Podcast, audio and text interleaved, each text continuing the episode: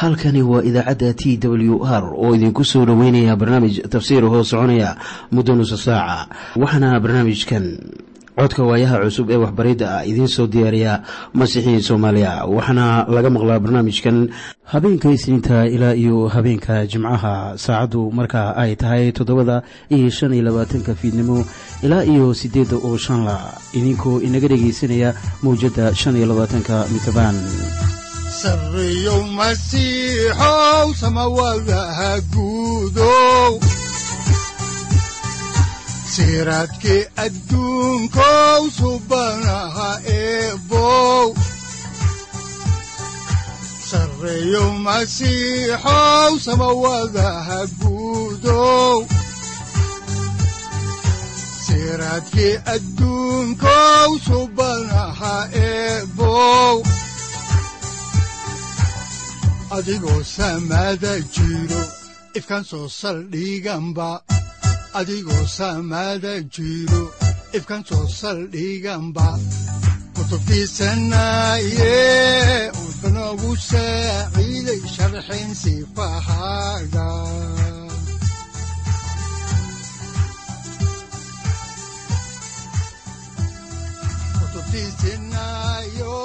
ku soo dhowaada dhegaystayaal barnaamijkeenna dhammaantiinba. Waxaan horay u sii ambaqaadi doonnaa daraasaadkii la magac baxay baibalka dhammaantii kuwaasoo aynu ku eegayno dhammaan waxa ku qoran kitaabka quduuska ah ee baibalka. Waxaannu horay idinku sii wadi doonnaa kitaabka bilowgii oo ah kitaabkii koowaad ee muuse cutubkiisa afraad.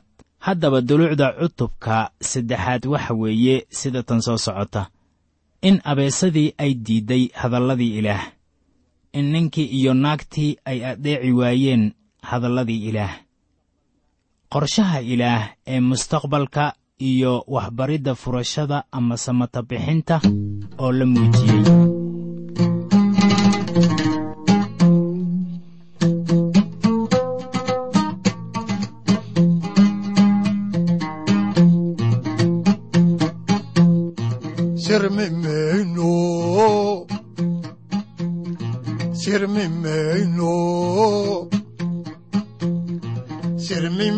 mayno sifiihi masiixan subax walba ku soconayo sirmi mayno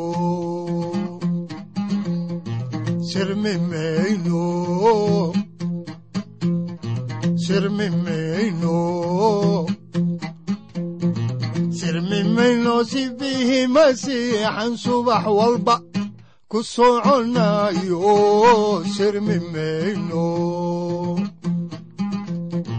mayno samata baxno ciise magsiixa na sifeeyo na saaciidayo sami mayno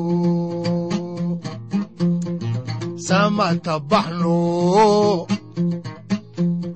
ciise masiixa na sifeeyo na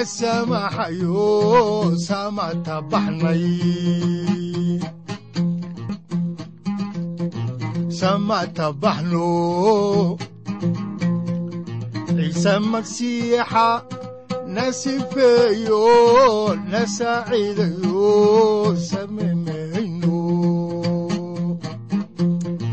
samata baxno ciise magsiixa na sifeeyo na saaciidayo sami mayno samata baxno ciise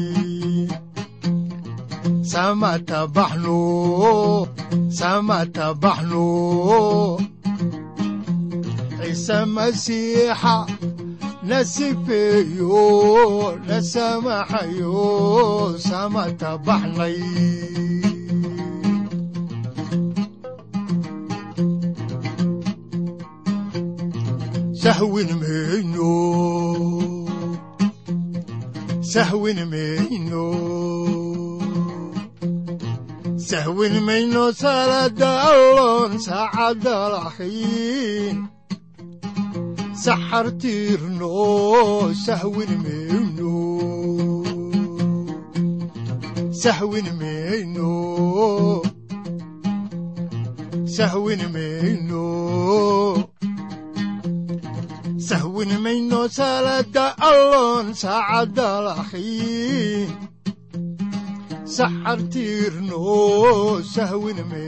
markii noogu dambaysay waxaannu idiin sheegnay haddii ay jiraan farqi u dhexeeyey qaabiil iyo haabiil. Halka farqi oo u dhexeeyey wuxuu ahaa qurbaannadii kala duwanaa ee ay keeneen. labadaas dhallinyaro. Waxay ahaayeen walaalo oo waxaa dhalay aabbe iyo hooyo laakiin tan yaabka leh ayaa waxay ahayd inaanay lahayn ayeeyo iyo awoowe. Qurbaanka ama waxbixintu waxay keentaa kala duwanaansho u dhexeeya dadka maanta. Ma jiro nin masiixi ah oo derajo ahaan odhanaya waxaan ka sarreeyaa qof kale. Waxa masiixiga ka dhigay waxa weeye garashada ah in uu yahay dembiile la mid ah qof kastoo kale oo uu welibana u baahan yahay qurbaan. Wuxuu u baahan yahay allabari. Wuxuuna u baahan yahay in qof booskiisii ama jegadiisii uu galo uu u dhinto. Bawlos wuxuu masiixa ka yidhi sida ku qoran qayb ahaan rooma cutubka saddexaad aayadda shan iyo labaatanaad waxaana qoran sida tan. Kan ilaah u soo bixiyey inuu dhiiggiisa kafaara gud ku noqdo xagga rumaysadka la rumaystay dhiiggiisa aawadiis. Sababtaas aawadeed bawlos oo ka sii faalloonaya umuurta ayaa qoray. Sida ku xusan rooma cutubka tobanaad aayadda saddexaad oo leh waayo iyagoo aan ogayn xaqnimada ilaah oo doonaya inay taagaantooda ayayan hoosgelin ilaah xaqnimadiisa. Taasina waa sawirka ka muuqda dad badan oo maanta nool waxay isku dayayaan diimo iyo inay kiniisad ka mid noqdaan oy camal sameeyaan iyagoo iska dhigaya kuwa ilaah hortii lagu aqbalo. Xaqnimada ilaah waxay kugu imaan kartaa oo keliya waxa weeye in masiixu kuu keeno waayo waxaa qasab ah inay tahay xaqnimo kaamil ah. Bawlos oo fasiraad ka bixinaya kan keeni kara nabaaddiinnada ayaa ku qoray warqaddiisii rooma cutubka afraad aayadda shan iyo labaatanaad sida tan. Kii loo bixiyey xadgudubkeenna aawadiis oo loo sara kiciyey inuu xaq inaga dhigo. Waxaa taasu ay ka micno tahay in isaga loo kiciyey xaqnimadeenna waana kan qaatay booskeenna ama jegadeennii warqaddii labaad ee rasuul bawlos uu u qoray korintos cutubka shanaad aayadda kow iyo labaatanaad ayaa waxaa ku qoran sida tan wuxuu isaga oo aan dembi aqoonin ka dhigay inuu dembi noqdo aawadeen. Inaynu noqonno xaqnimada ilaah ee ku jirta isaga. Waxaa kaloo bawlos uu ku leeyahay qayb ahaan warqaddiisii uu u qoray dadkii filiboy cutubka saddexaad aayadaha siddeed ilaa sagaal sida tan. Inaan masiixa faa'iido ahaan u helo oo isaga dhexdiisa layga helo anigoo aan lahayn xaqnimo tayda ah taas oo sharciga laga helo. Laakiinse anigoo leh tan laga helo rumaysadka masiixa. Xaqnimadii qaabiil waxay ahayd mid isaga u gaar ah. Xaqnimadii haabiilna waxay ahayd rumaysadka qurbaanka kaasoo eegayey ama astaan ahaan u taagnaa allabarigii masiixa. Waxaynu aragnay in qaabiil iyo haabiil ay labaduba u yimaadeen inay ilaah caabudaan. Labadan wiil way isku ekaayeen. Qaar ka mid ah nimanka mufasiriinta ah ayaa dabcan rumaysan inay wiilashu mataano ahaayeen. Waxaan u malaynayaa in ditoorkii geeriyooday ee la odhan jiray harri rimer uu rumaysnaa inay wiilashu mataano ahaayeen. Waxaanse rumaysanahay inay aad isugu dhowaayeen waayo waxaa taas deliil u ah iyagoon lahayn dhiig ama abtir hore oo u keeni karaa inay kala duwanaadaan. Waxay ahaayeen wiilashii aadan iyo xaawo.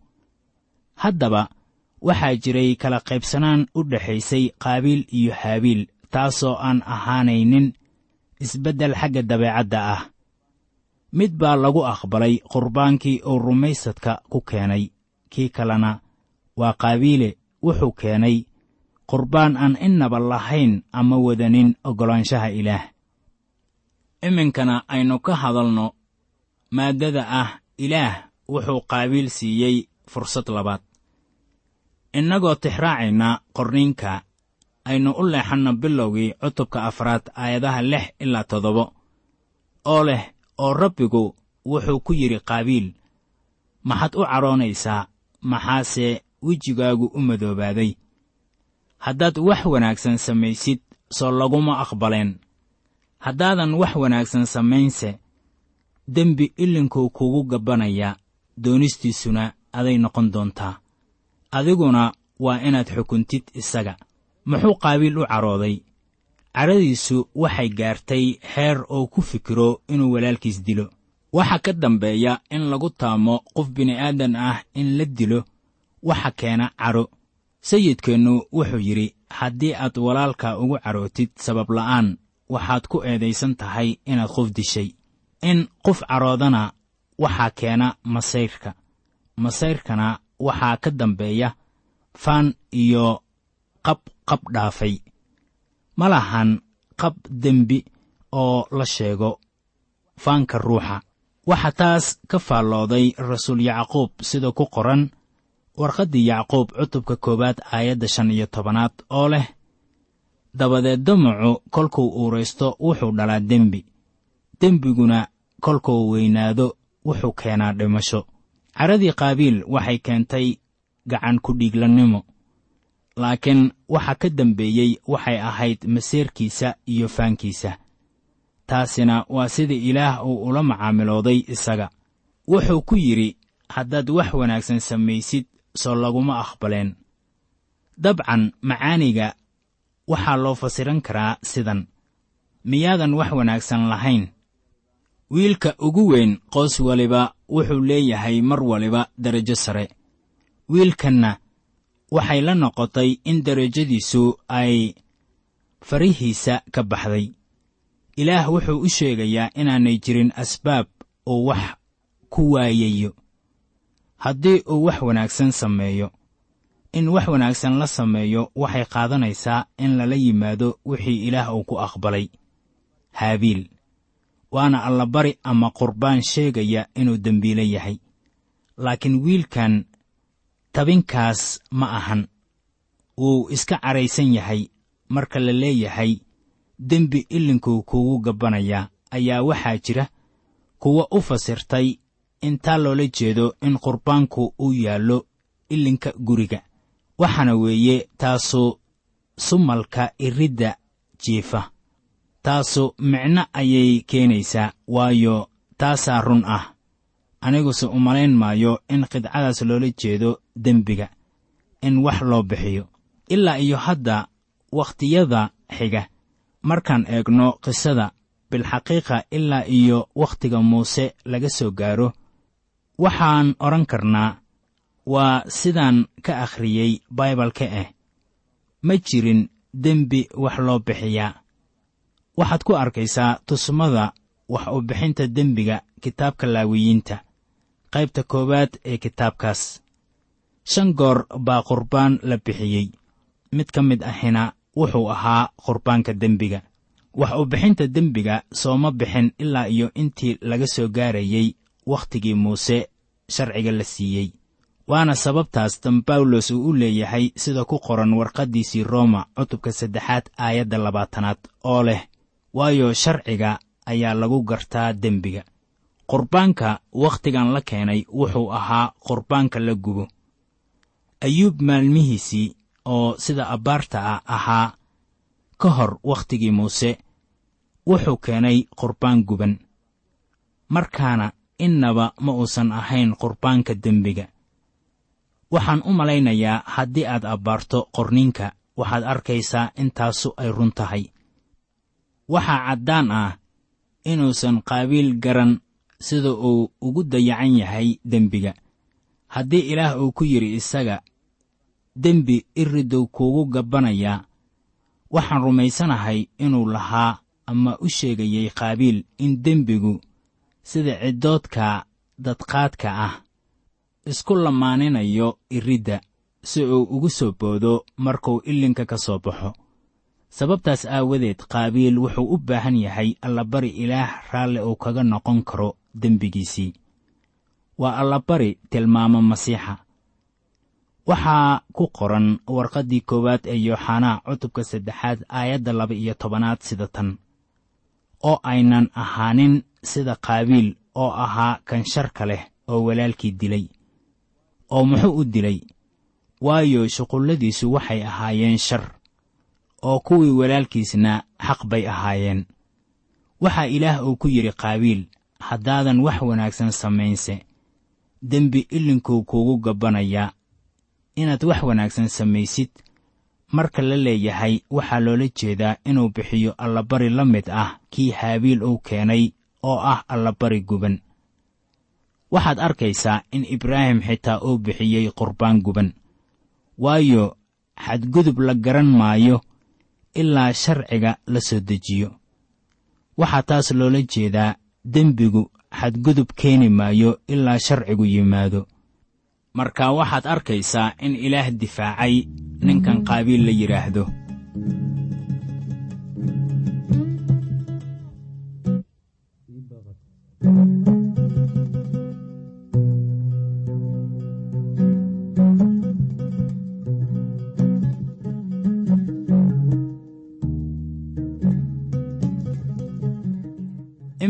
waxaynu eegaynaa maaddada ah in qaabiil uu dilay haabiil.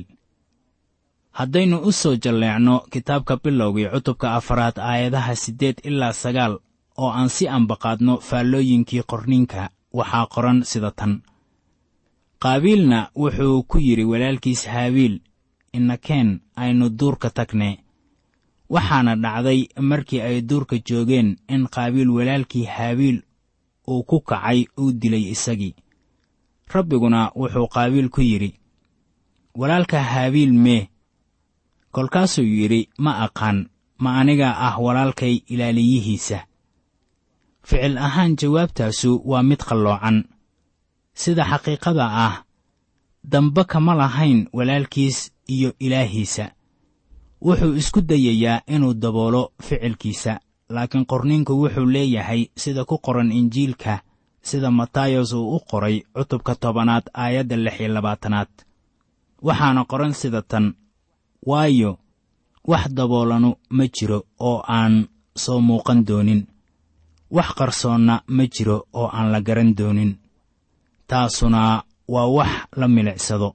Haddii ay jiraan dembi aad qarsanaysaan waxaa ku wanaagsan inaad haddeer falankooda gasho.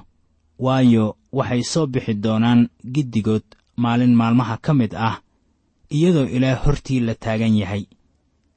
Isagu wuu garanayaa dembiyadaada qarsoon. Waxaa ku wanaagsan inaad isaga u sii sheegto. Wadaygan qaabiil ah wuxuu isku dayayaa inuu yidhaahdo eed malihi bal ka fakar ma waxaan ahay walaalkay ilaaliyihiisa war maxay jawaab qallafsan tahay? Haddaannu sii wadno daraasaadkan aynu ka soo xiganayno bilowgii cutubka afaraad aayadda tobanaad ayaa waxaa qoran. Kolkaasaa ilaah uu ku yidhi maxaad samaysay? Codkii dhiiggii walaalka ayaa dhulka iiga dhawaaqaya eh qoraaga cibraaniyadda ayaa xaalka soo qaatay sida ku qoran warqaddii cibraaniyadda cutubka laba iyo tobanaad aayadda afar iyo labaatanaad oo leh iyo ciise oo ah dhexdhexaadiyaha axdiga cusub iyo dhiigga rushaynta oo u hadla si ka wanaagsan kii haabiil. Dhiiggii haabiil wuxuu ka hadlayey dil la geystay dhiigga ciisena wuxuu ka hadlayey furasho.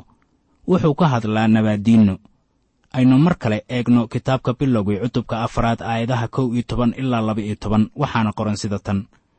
Oo haatan waad ka habaaran tahay dhulkii afkiisa u kala qaaday si uu dhiiggii walaalka gacantaada uga helo.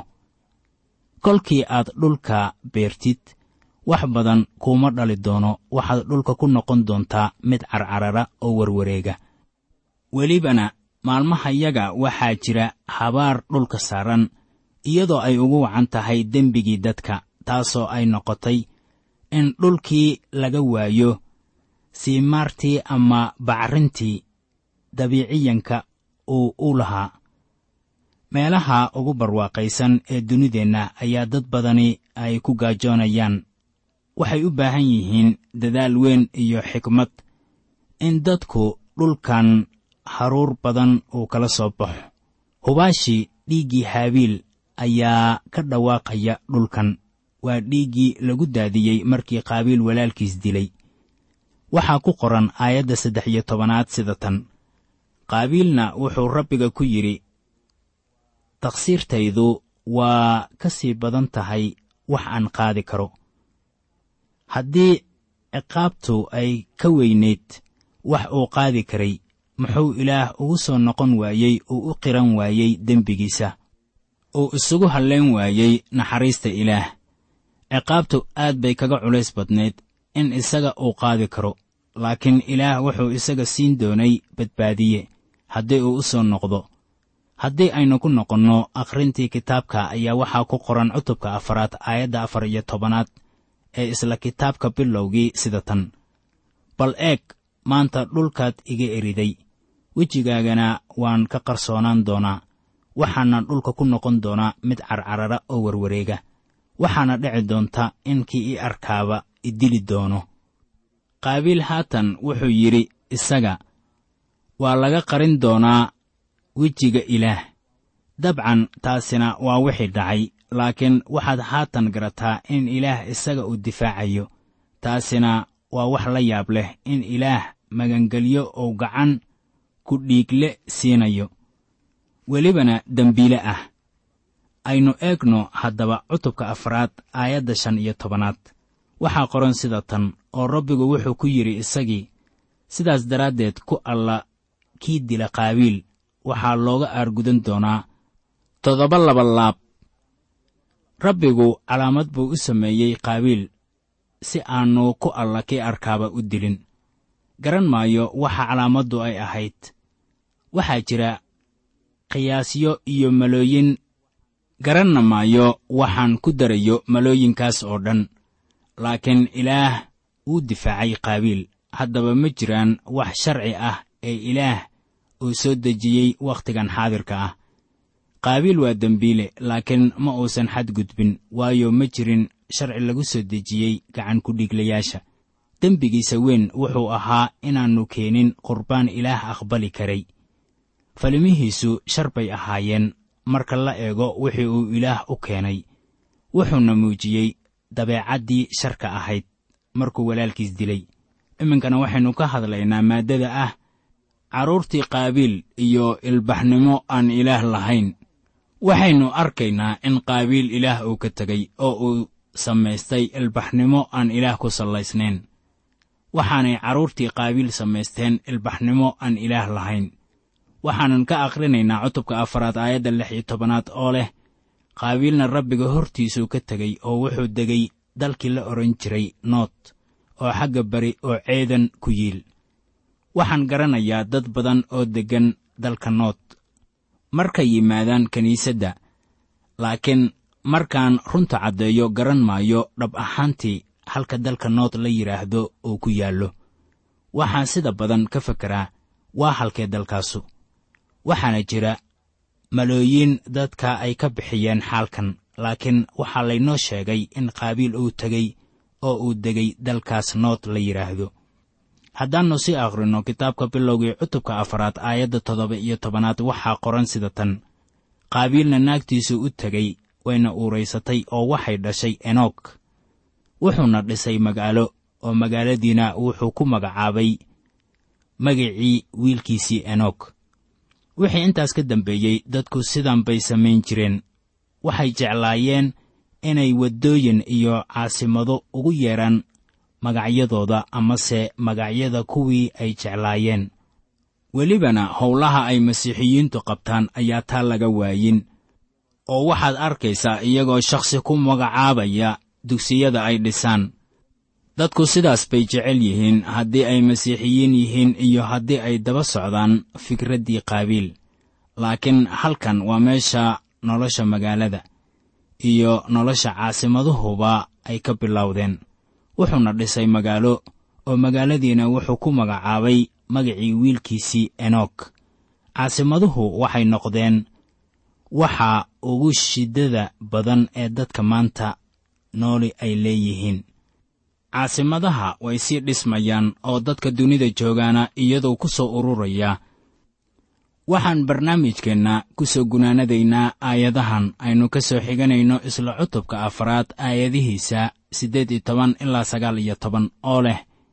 Enogna waxa u dhashay ciiraad ciiraadna wuxuu dhalay maxuuye'eel maxuuye'elna wuxuu dhalay matushe'el matushe'elna wuxuu dhalay laamek laamekna wuxuu guursaday laba naagood. Mid magaceedu wuxuu ahaa caaddah tan kalena magaceedu wuxuu ahaa silah. Halkan bay ahayd halkii uu ka bilowday dhaqanka guursiga naagaha badan. Laamek haatan wuxuu samaynayaa wax ka soo hor jeeda wixii ilaah uu doonayey waa wax ka soo hor jeeda wixii ilaah ragga ugu tala galay ka heli maysid qorninka meel ilaah uu raalli kaga yahay in raggu ay guursadaan dumar dhaafsiisan tan ay xaqa u leeyihiin. Haddii aad qisada si hagaagsan u akhriso waxaad arkaysaa in ilaah eedeeyey xaalkaas. Xaalka wuu qoray waayo wuxuu bixinayaa qorniin taariikhi ah taasoo ku sallaysan waxaa innaga laynoo siiyey qorniinkan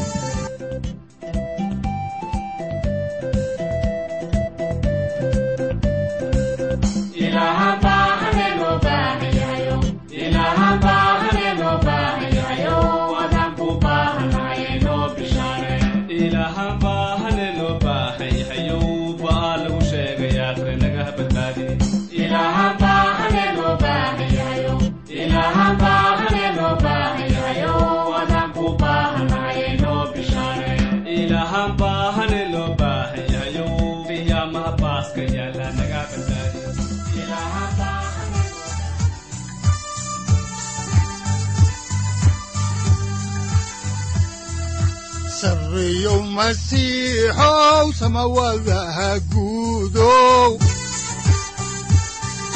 siraadkii adduunkow subanaha eebow sareeyow masiixow samawadaha guudow siraadkii adduunkow subanaha eebow adigoo samaada jiro ifkan soo saldhiganba adigoo samaada jiro ifkan soo saldhiganba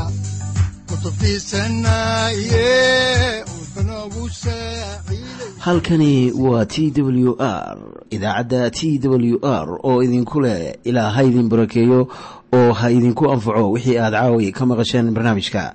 Waxaa barnaamijkan oo kalaa aad ka maqli doontaan habeen dambe hadahan oo kale haddiise aad doonaysaan in aad fikirkiina ka dhiibataan wixii aad caawi maqasheen ayaad nagala soo xiriiri kartaan som t w r at t w r c o k e waxaad kaloo iimailada inoogu soo diri kartaan dhegaystayaal cinwaanka yahu-ga oo ah somali t w r at yahu com.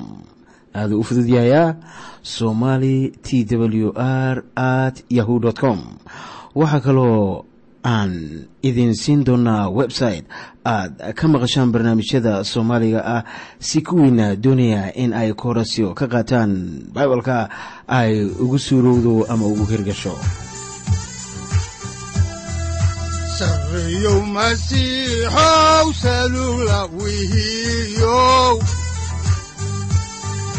saacadda timid dhulka sabada ku dhalatiyo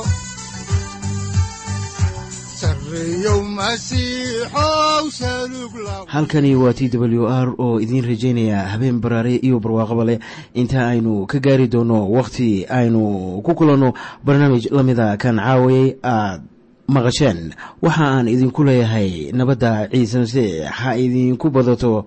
Xagga jidhka iyo ruuxaba aamiin